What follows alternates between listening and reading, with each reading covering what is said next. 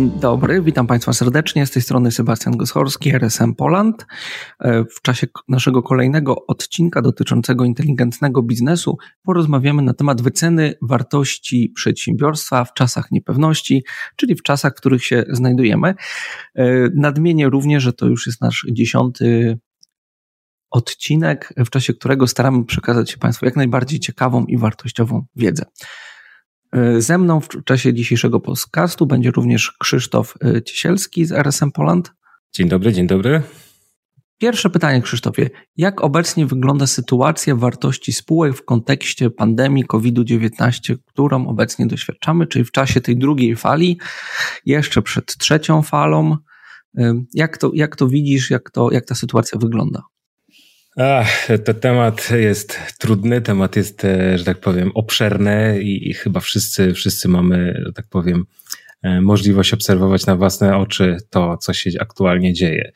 Ja mogę powiedzieć tak, że w odniesieniu do wartości spółek, no to na pewno będzie tak, że, że cała ta sytuacja, która ma miejsce, no, bardzo mocno odbije się tak na, na, na wycenach, na, na tym, jak te biznesy się lokują, jaka jest ich wartość, e, dlatego że no nie oszukujmy się, COVID e, czy cała sytuacja z pandemią e, wywołuje przede wszystkim spowolnienie gospodarcze, a to w jakiś tam zawsze sposób się przekłada na, na biznesy, tak? Znaczy, tu warto oczywiście wspomnieć o, o tym, że e, takie sytuacje m, mm, działają zawsze w dwie strony. Z jednej strony są oczywiście te spółki, które będą mieć e, odbicie negatywne w swoich wynikach, e, które stracą, krótko mówiąc, na pandemii, na COVID-zie, e, a z drugiej strony są jednak e, spółki, które zyskują tak na wartości, bo e, pojawiają się, że tak powiem, potrzeby, które do tej pory oczywiście były, ale w czasach pandemii mm, pojawia się coraz większe zapotrzebowanie na jakieś konkretne usługi czy na jakieś konkretne produkty. W związku z tym e, no, okazuje się, że są również spółki, które bardzo mocno zyskują na, na, na tej pandemii. Tu warto też dodać to, że Mm, pojawiają się takie sytuacje, gdzie e, podmioty, które w e, czasach, nazwijmy to normalnych do tej pory, jakby po prostu sobie jakoś tam funkcjonowały bez, e, bez mm, jakichś tutaj, nie wiem, mm, wybitnych, wybitnych wzlotów, a tymczasem pandemia pomogła im bardzo, bardzo mocno rozwinąć skrzydła i, i stały się one takimi, powiedzmy, pionierami. Dzięki temu właśnie, że ta, ta pandemia się pojawiła. Okej, okay, Krzysztofie, czyli rozumiem, że obecna sytuacja związana z pandemią, z COVID-em w dosyć znaczny sposób e, wpłynęła na wartość przedsiębiorstw, czyli firmy, e, które nie radzą sobie zbyt dobrze w pandemii, chociażby branża turystyczna, czy branże z nią związane, tak? To na ten moment ich wyceny nie są na takim poziomie satysfakcjonującym, na takim poziomie, na którym właściciel byłby gotowy e, je sprzedać, e, bądź też e, częściowo, bądź też, bądź też w całości. Zapewne, zapewne jest to taka sytuacja przejściowa, bo jeżeli zakończymy zakończy się pandemia, to myślę, że te wartości powoli wrócą do tego, co było przed pandemią. Oczywiście może to zająć rok, dwa, może nawet y, trzy. No, pewno nie wszyscy też jakby przetrwają ten okres. Mm, dokładnie tak. E, tutaj generalnie też wchodzimy w temat e, branż, tak? E, jakie te branże są. Ty, ty wspomniałeś, ty wspomniałeś tutaj o branży turystycznej jak najbardziej. Jest to jedna z branż, która mocno, brzydko mówiąc, oberwała. Natomiast to nie jedyna branża, tak? Bo jeżeli popatrzeć na to, co się dzieje na rynku, no to widzimy, że turystyka, to brzydko mówiąc, leży, ale to nie tylko, tak? Widzimy też, że lockdown powoduje to, że zamykane są e, na przykład e, lokale gastronomiczne, czyli gastronomia, mimo iż może dostarczać chociażby posiłki na, na wynos, tak? E, w dostawie, to jednak to nie pozwala tak na, na tyle skutecznie prowadzić tego biznesu, żeby te, te przedsiębiorstwa były się w stanie utrzymać, w związku z czym wiele z nich prawdopodobnie po prostu zostanie e, zamkniętych. Tak samo, jeżeli mówimy o na przykład zakwaterowaniu, tak, wszelkiego typu ruch turystyczny, no wstrzymany ruch turystyczny powoduje to, że jednocześnie e, obrywają wszyscy właściciele nieruchomości, które były e, prze, przeznaczone do, do, do jakiejś tam, powiedzmy, do jakiegoś zakwaterowania, na przykład hotele, na przykład pensjonaty, tego typu obiekty, no stoją puste dzisiejszym, w dzisiejszych czasach najbardziej, najbardziej poszkodowaną branżą jest oczywiście branża branża turystyczna, no ten ruch, ruch turystyczny, że tak powiem, został zatrzymany i on, on jakby został zatrzymany głównie oczywiście międzynarodowo. No ale jakby nie patrzeć, to, to, to jest bardzo duża część turystyki, w związku z czym no, branża, branża przede wszystkim ta, ta branża przede wszystkim mocno, mocno cierpi, a co za tym idzie, no wszystkie pokrewne. Tak, ale tak rodzi mi się takie pytanie, bo często jest tak, że kryzys u jednych to szansa u drugich, bo mamy też sporo branż, które sobie świetnie radzą, tak jak na przykład branża medyczna i około medyczna. Y, na pewno jest im, nawet jeżeli nie lepiej, to jest tak samo jak do tej pory, no bo ludzie i tak muszą kupować lekarstwa, czy, czy muszą chodzić na różnego typu terapie. E, powiedz mi, czy to nie jest tak, że y, tutaj, czy ty widzisz, czy obserwujesz jakiś wzmożony ruch ze strony potencjalnych inwestorów, którzy mają gotówkę i chcą inwestować na przykład w branżę hotelarską czy gastronomiczną w takiej nadziei, że od y, powiedzmy jakiegoś najbliższego czasu, czy po, po zakończeniu tej drugiej fali, bądź też wprowadzeniu szczepionki, e, ta branża na nowo odżyje i znowu będzie generowała e, zdecydowanie większe profity niż do tej pory. Ach, powiem tak, e, no generalnie jeżeli chodzi o inwestorów, to, to, to wiadomo, my wiemy przede wszystkim, że, że oni mają pieniądze, tak, i jeżeli chodzi o inwestycje, to są zainteresowani. Oczywiście dzisiaj no patrzą na, na, na wszystko, że tak powiem, trochę, trochę z innej perspektywy, e, no są bardziej ostrożni, krótko mówiąc. Mm, czy chcą inwestować w nieruchomości? No, oni zawsze chcieli inwestować w nieruchomości, przy czym dzisiaj e, jest to problem, problem wyceny, tak? Ale to dotyczy i tych gorszych branż, na przykład właśnie nieruchomościowej, która dzisiaj trochę, że tak powiem, osłabła ze względu na to, co się dzieje, ale też działa i w drugą stronę, tak? Bo inwestorzy oczywiście bardzo chętnie chcieliby kupować spółki z branży na przykład farmaceutycznej, o której ty wspomniałeś. Natomiast no, tu jest taki problem, że jest jakby w drugą stronę, tak? E, tu z kolei są bardzo duże przeszacowania wartości w górę. E, no i teraz pytanie, ile to będzie trwało i, i, i, i że tak powiem, mm, jakie, jakie, jakie te wzrosty będą, tak? I to oczywiście też się przekłada na wartość, na wycenę, bo nie wiadomo tak, czy mm, w momencie powiedzmy, jak się druga fala, czy, czy, czy trzecia, nie wiem, zakończy, to czy dalej będą takie same wzrosty, e, czy to się zatrzyma, tak? E, a może spadnie. I teraz jest pytanie, czy jeżeli inwestor dzisiaj przyjdzie i kupi po wycenie, która się wydaje rozsądna na tą chwilę, e, jakiś biznes w tej konkretnej branży, to czy on po prostu nie przepłaci, tak? Bo za, za te kilka, kilka powiedzmy miesięcy, czy, czy, czy nie wiem, lat, no może po prostu stracić. A pamiętajmy, że jeżeli chodzi o inwestora na przykład finansowego, no to on zazwyczaj wchodzi w inwestycje na okres kilku lat, a nie kilku miesięcy. W związku z tym, no, te kroki podejmowane przez inwestorów dzisiaj są, są oczywiście bardzo ostrożne. Tak jak powiedziałem, mają pieniądze, chcą inwestować, ale jednak, e, że tak powiem, patrzą, patrzą bardzo szczegółowo na to, co, w, co, w co ewentualnie mogą zainwestować. Natomiast jeszcze kilka słów o drugiej stronie, tak? Bo to, że inwestorzy są, to, że mają pieniądze i to, że chcą inwestować, to jakby jest jedna strona medalu. Druga strona jest taka, że muszą mieć w co inwestować. I tutaj też nie jest tak prosto, bo spółki, które, że tak powiem, mogłyby być potencjalnie e, targetami, takimi podmiotami do kupienia, też nie zawsze chcą się sprzedać, zwłaszcza teraz. Dlaczego? Dlatego, że te, które słabiej funkcjonują, e, no wiedzą, że ich wyceny mogłyby być, czy są zaniżane i w związku z tym, no, wolą, że tak powiem, przeczekać ten gorszy czas, o ile oczywiście są w stanie przeczekać, bo to jest trochę inna, inna, inna jakby kwestia. E, natomiast te spółki, którym się dobrze powodzi, no, w zdecydowanej większości, że tak powiem, też trochę wstrzymują te wszelkie decyzje o sprzedaży, e, dlatego że no, chciałyby, jeśli ma, miałyby się sprzedać, to chciałyby zarobić jeszcze więcej, więc e, patrząc na to, co się dzieje, widząc te kolejne fale e, covidowe, no, przewidują, że prawdopodobnie te wyceny ich wzrosną. I tu jest trochę takie niedo, niedomówienie, tak, między stronami transakcji. Jedni chcą inwestować, drudzy chcieliby się sprzedać, może nie Natomiast e, no, no, nie ma takiego perfect match, jak ja to mówię, tak? E, jest bardziej czas takiego wyczekiwania e, niż rzeczywiście realnie tutaj przeprowadzanych transakcji. Ja tylko jeszcze dodam, że oczywiście jeżeli chodzi o branżę, no to, no to tak jak powiedzieliśmy, te gorzej funkcjonujące to chociażby y, turystyka, te lepiej funkcjonujące to chociażby farmaceutyka, ale pa, pa, pamiętajmy, że tych branż jest jeszcze więcej, bo z tych lepiej funkcjonujących to też są branże na przykład gamingowe, które mocno odbiły tak, w okresie pandemii, czyli wszystko, co jest związane z taką wirtualną rozrywką, jak, jak gry komputerowe wszystkie firmy informatyczne, no może nie wszystkie, ale informatyka bardzo szeroko rozumiana również, również, że tak powiem, mocno rośnie.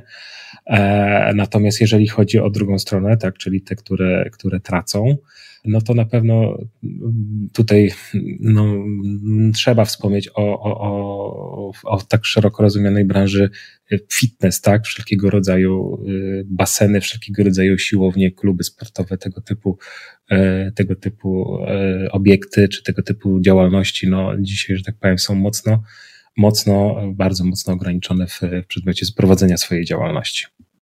Okej, okay, czyli sytuacja, ryn- sytuacja rynkowa jest niepewna, to zdecydowanie, tak jak mówisz, y, nie możemy być pewni tego, co się wydarzy, ani w jaki y, sposób y, podążą te wyceny tak naprawdę tych przedsiębiorstw. A jak już o tym mówimy, to no, wycena przedsiębiorstw, tym zajmują się fachowcy, tak? I powiedz mi, Jakimi metodami najczęściej posługują się osoby wyceniające e, przedsiębiorstwo i co twoim, która z tych metod Twoim zdaniem jest najlepsza?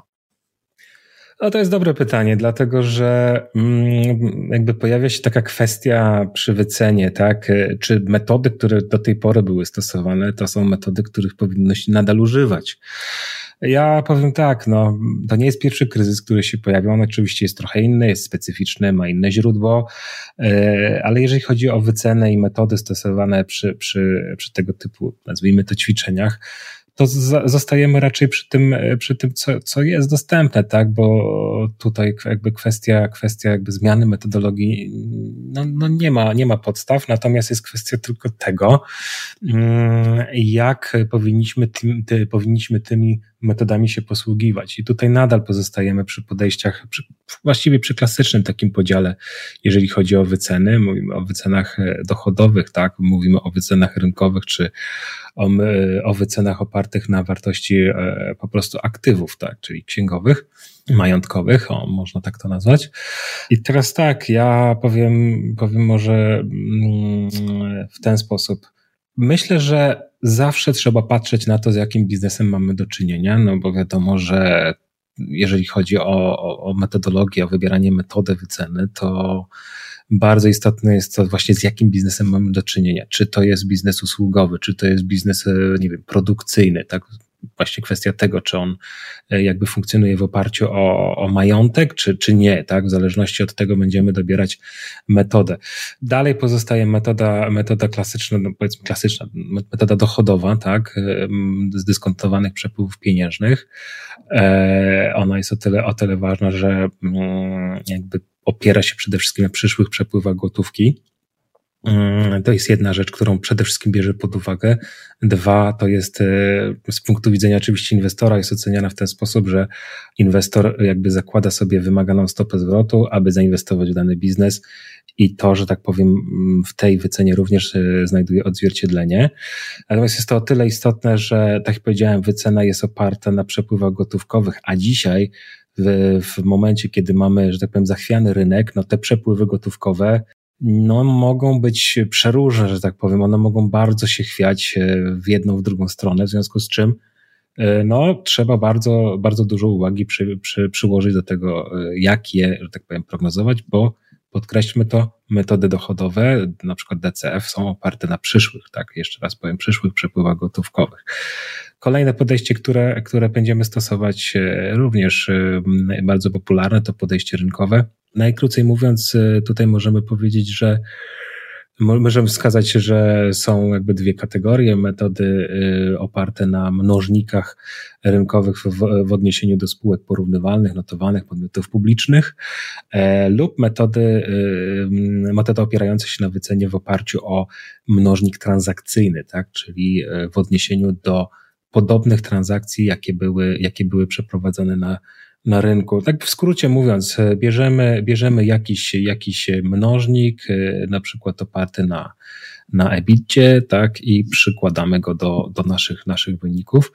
I, i, jakby to, I to jest bardzo, bardzo w skrócie, natomiast to jest też e, istotne, żeby mm, żeby tutaj nie dać się, że tak powiem, zwariować, bo pamiętajmy, że podejście rynkowe, podejście rynkowe ma, ma to do siebie, że opiera się przede wszystkim na mnożnikach historycznych, tak, czyli to już się odbyło, to jest jakby jedna rzecz, a dwa, e, no te spółki, mimo iż wydają się porównywalne, bardzo często mają no jednak trochę inne formaty tej prowadzonej działalności, w związku z czym trzeba się zastanowić, czy nie wprowadzić tego, jakiś, jakiś, jakiś korekt, ale o tym będę chciał powiedzieć trochę później. I trzecie, trzecie podejście, tak, jeżeli chodzi o metody, y, o wyceny, o wyceny, to metody oparte na, e, majątkowe, oparte przede wszystkim na aktywach, to przede wszystkim metody, które znajdują, znajdują odzwierciedlenie czy zastosowanie w, y, przy wycenie spółek głównie produkcyjnych. No dzisiaj z tego katalogu metod, metod opartych na, na wartości księgowej, majątkowej, pewnie jedną z popularniejszych będzie metoda likwidacyjna. No, co tu dużo mówić, tak, jakby no widać, że spora część biznesów e, będzie w gorszej sytuacji finansowej, w związku z czym E, być może ich sprzedaż będzie wymuszona, a w związku z tym, mm, no, że tak powiem, ponieważ będzie brakowało gdzieś tam perspektywy prowadzenia tej działalności, metoda zastosowana do wyceny takiego biznesu to będzie właśnie metoda likwidacyjna. Tych metod majątkowych oczywiście jest więcej. Jest to taka klasyczna metoda aktywów netto, metoda skorygowanych aktywów netto, czy właśnie likwidacyjna. A tutaj trzeba oczywiście też spojrzeć na dany biznes, wybrać konkretny typ metody i go po prostu zastosować. Czyli rozumiem, że jest to w jakiś sposób wiedza tajemna, ale znana osobom, które się profesjonalnie tym zajmują i są w stanie profesjonalnie takiemu właścicielowi pokazać, jaka byłaby orientacyjna cena, po której mógłby swoje przedsiębiorstwo sprzedać, bądź też wystawić na sprzedaż, bądź rozpocząć rozmowy e, dotyczące sprzedaży czy też inwestycji. A powiedz mi, mm, czy oprócz tego, oprócz tych metod są jeszcze jakieś dodatkowe rzeczy, takie rzeczy, które mają jakiś istotny wpływ na wycenę mm, przedsiębiorstwa? Nie wiem, czy to jest brand, czy to jest, nie wiem, historia tego brandu, czy, czy być może coś jeszcze innego. Tak, ja do tej pory, że tak powiem, skupiłem się, opowiadając o tych wycenach, skupiłem się przede wszystkim na czynnikach wewnętrznych, ale no, patrzmy na to szerzej, tak? Y, przedsiębiorstwa działają w pewnym otoczeniu e, i to otoczenie też, że tak powiem, podlega różnym, różnym wpływom. Tutaj oczywiście cały czas mamy na myśli przede wszystkim y, pandemię COVID-19. Natomiast to, co trzeba wziąć przy, przy wycenie, bez względu na to, jaką metodę stosujemy, to na pewno właśnie z, z, sprawdzić, zobaczyć, jak wygląda chociażby zmienność na rynkach globalnych, tak? E, bo co tu dużo mówić, no patrząc na to, na to, jak jest teraz, no to w ciągu ostatnich kilku miesięcy no, obserwować można, zaobserwować można przede wszystkim poważne konwulsje tak na rynku e, i zwiększoną, zwiększoną jego zmienność, a to, a to przede wszystkim wpłynie na wyceny, chociażby w postaci wyższych stóp, stóp dyskontowych, przepraszam.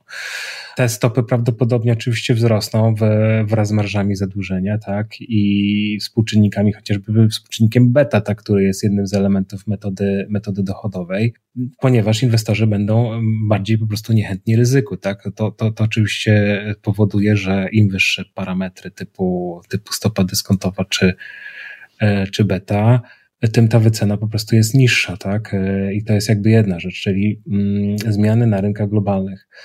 To, co już powiedziałem, tak, e, niepewność przepływów e, pieniężnych, to jest o tyle ważne, że tak naprawdę, tak jak, tak jak już zresztą wspominałem, tak, e, no, no, no występują trudności, trudności, jeżeli chodzi o, o prognozowanie, zwłaszcza przy metodzie, przy metodzie dochodowej opartej na przyszłych przepływach.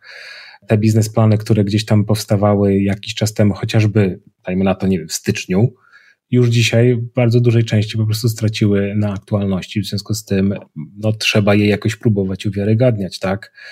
A bez tych e, wiarygodnych prognoz e, firmy będą musiały po prostu przyjrzeć się innym rodzajom ryzyka.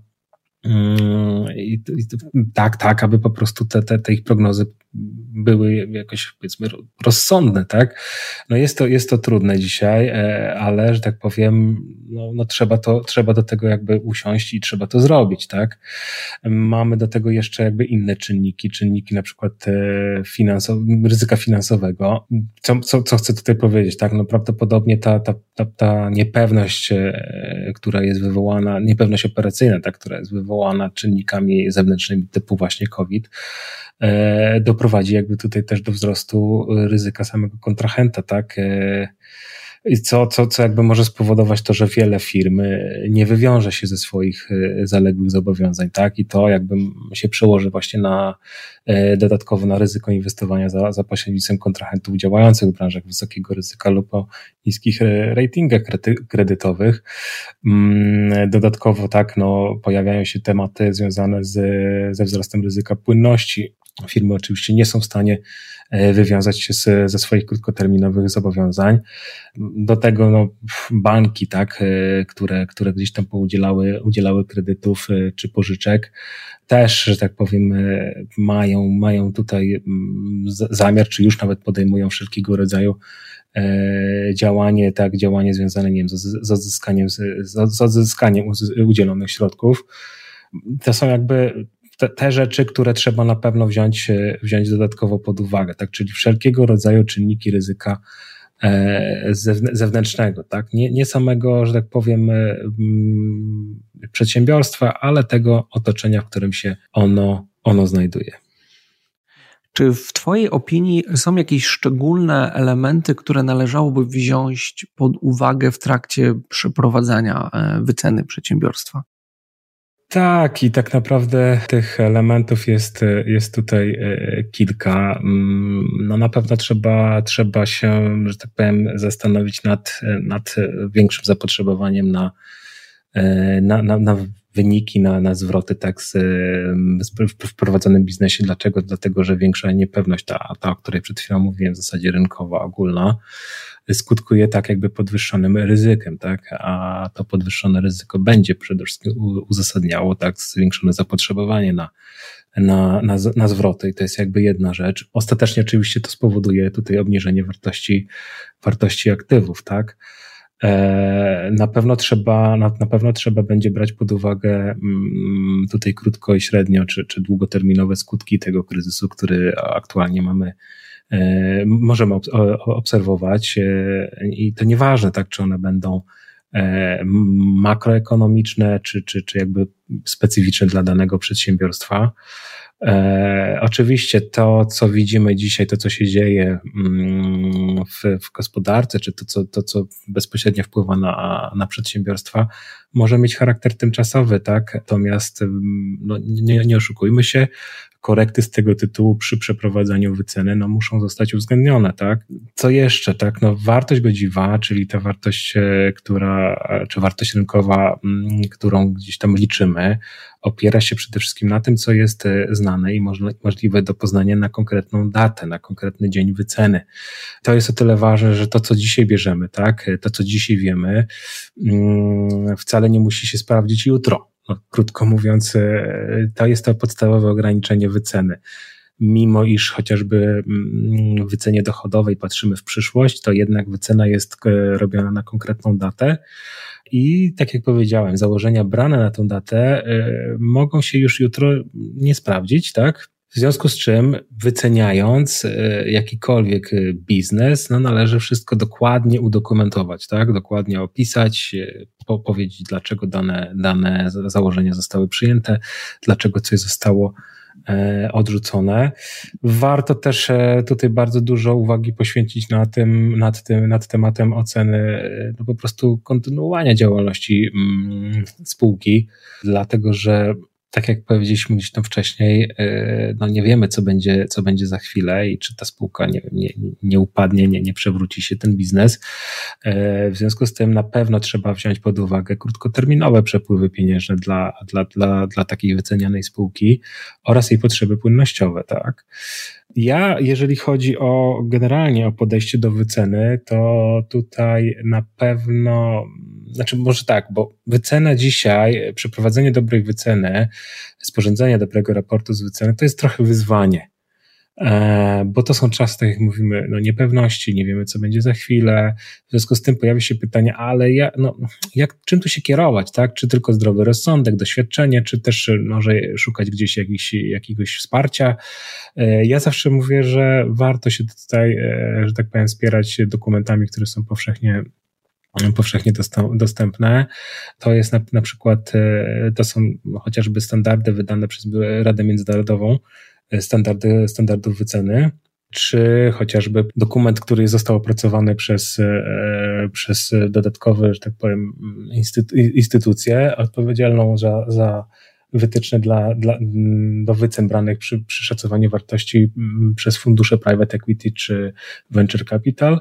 I to jest e, taki, taki, powiedzmy, takie ciało, które się nazywa International Private Equity and Venture Capital Valuation. Tam, tam są standardy, które opisują dokładnie, co powinniśmy brać e, przy wycenie i tam akurat e, ze względu na to zostało uaktualnione i również znajdują się elementy, które podpowiadają, co i jak powinno się, że tak powiem, uwzględniać teraz w obecnym kryzysie. Tak? Warto jeszcze e, przy wycenie mm, zwrócić uwagę na to, czy wyceniając, oczywiście my to robimy w najlepszej wierze i musimy się zastanowić, czy przeprowadzając taką wycenę, nie powodujemy mm, szkody. I to i to trzeba mocno sobie wziąć, e, że tak powiem, do serca, dlatego że szkoda, no ona może w dwie strony, że tak powiem, wystąpić. Ten, ta, ta, ta, ten biznes może zostać niedoszacowany, ale może też zostać w drugą stronę, tak, za, za mocno przeszacowany.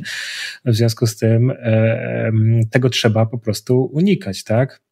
Dlatego najlepiej e, przy wycenie po prostu brać, e, znaczy tworzyć analizę scenariuszową, tak? To jest kilka scenariuszy, najlepiej opartych na, na krótkich okresach, powiedzmy, powiedzmy do 12 czy 18 miesięcy, patrzenie tak jak te przepływy, bo tu mówię przede wszystkim o, o, o metodzie wyceny, e, metodzie dochodowej, jeżeli chodzi o wycenę, patrzeć i prognozować w krótkim okresie, tak, 12-18 miesięcy, przepływy na kilka sposobów, kilka scenariuszy. Dlaczego? Dlatego, że tak naprawdę to nam pozwoli chyba najbardziej wiarygodnie, tak, e, e, może nie przewidzieć, ale e, spróbować przynajmniej zbudować tak jakby przyszłą sytuację finansową firmy i w związku z tym możemy być przygotowani tak na gorszy, lepszy, czy też taki standardowy, standardowy scenariusz.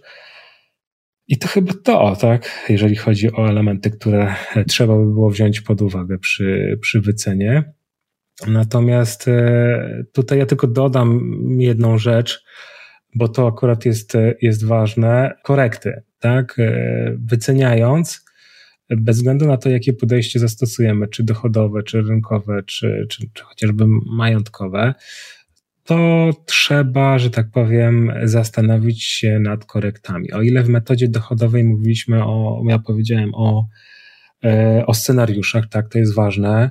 O tyle, o tyle trzeba też jakby zastanawiać się, zastanowić się nad stopami dyskontowymi, tak, czy one mają uzasadnienie, czy koszt kapitału jest odpowiednio dobrany, czy nie trzeba by było jakiś korekt jednak wprowadzić.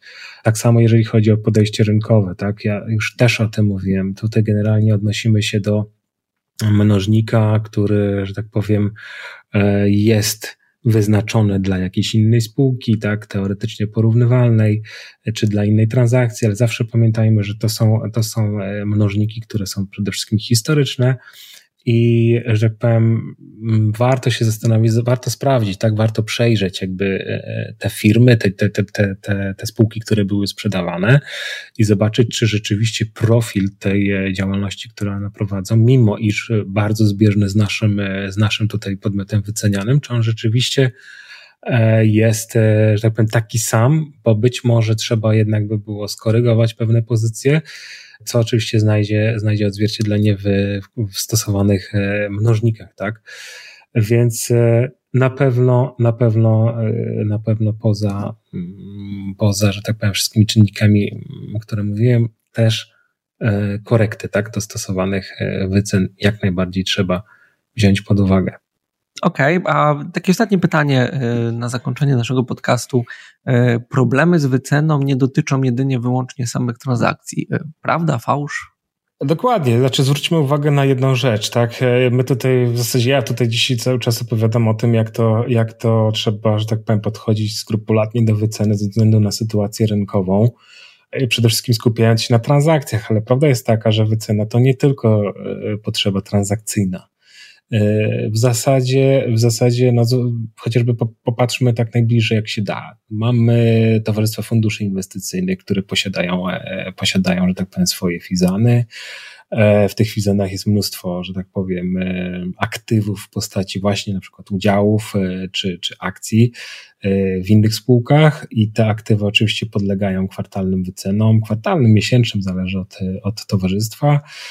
I tu też jakby pojawia się ten sam problem, tak? Też trzeba te wyceny, że tak powiem, sporządzać, trzeba wziąć w zasadzie pod uwagę wszystkie te czynniki, o których ja dzisiaj powiedziałem, a przecież nie mamy tutaj jakby takiej mm, powiedzmy w, czy w czystym rozumieniu transakcji, no, ale ta wycena musi powstać, tak? To jest jakby Jedna rzecz, in, inna, inna kwestia, tak, e, to są chociażby testy na utratę wartości, które również no, w zasadzie są odzwierciedleniem wyceny, ale tutaj trzeba w zasadzie też wziąć pod uwagę wszystkie te elementy, o których powiedziałem, więc e, to nie jest tak, że mm, wycena jest ważna tylko i wyłącznie na potrzeby transakcyjne, ona jest istotna, bo no bo, bo jakąś cenę trzeba, że tak powiem, ustalić. No nie, no nawet takie zwykłe operacyjne działanie, e, jak ja to mówię, day to day, również wymaga, wymaga przede wszystkim precyzyjnego ustalania wartości wszelkiego typu przenoszenie, tak, e, na przykład zorganizowanych części przedsiębiorstwa, wnoszenie do innych spółek i tak dalej, też to trzeba wszystko, że tak powiem,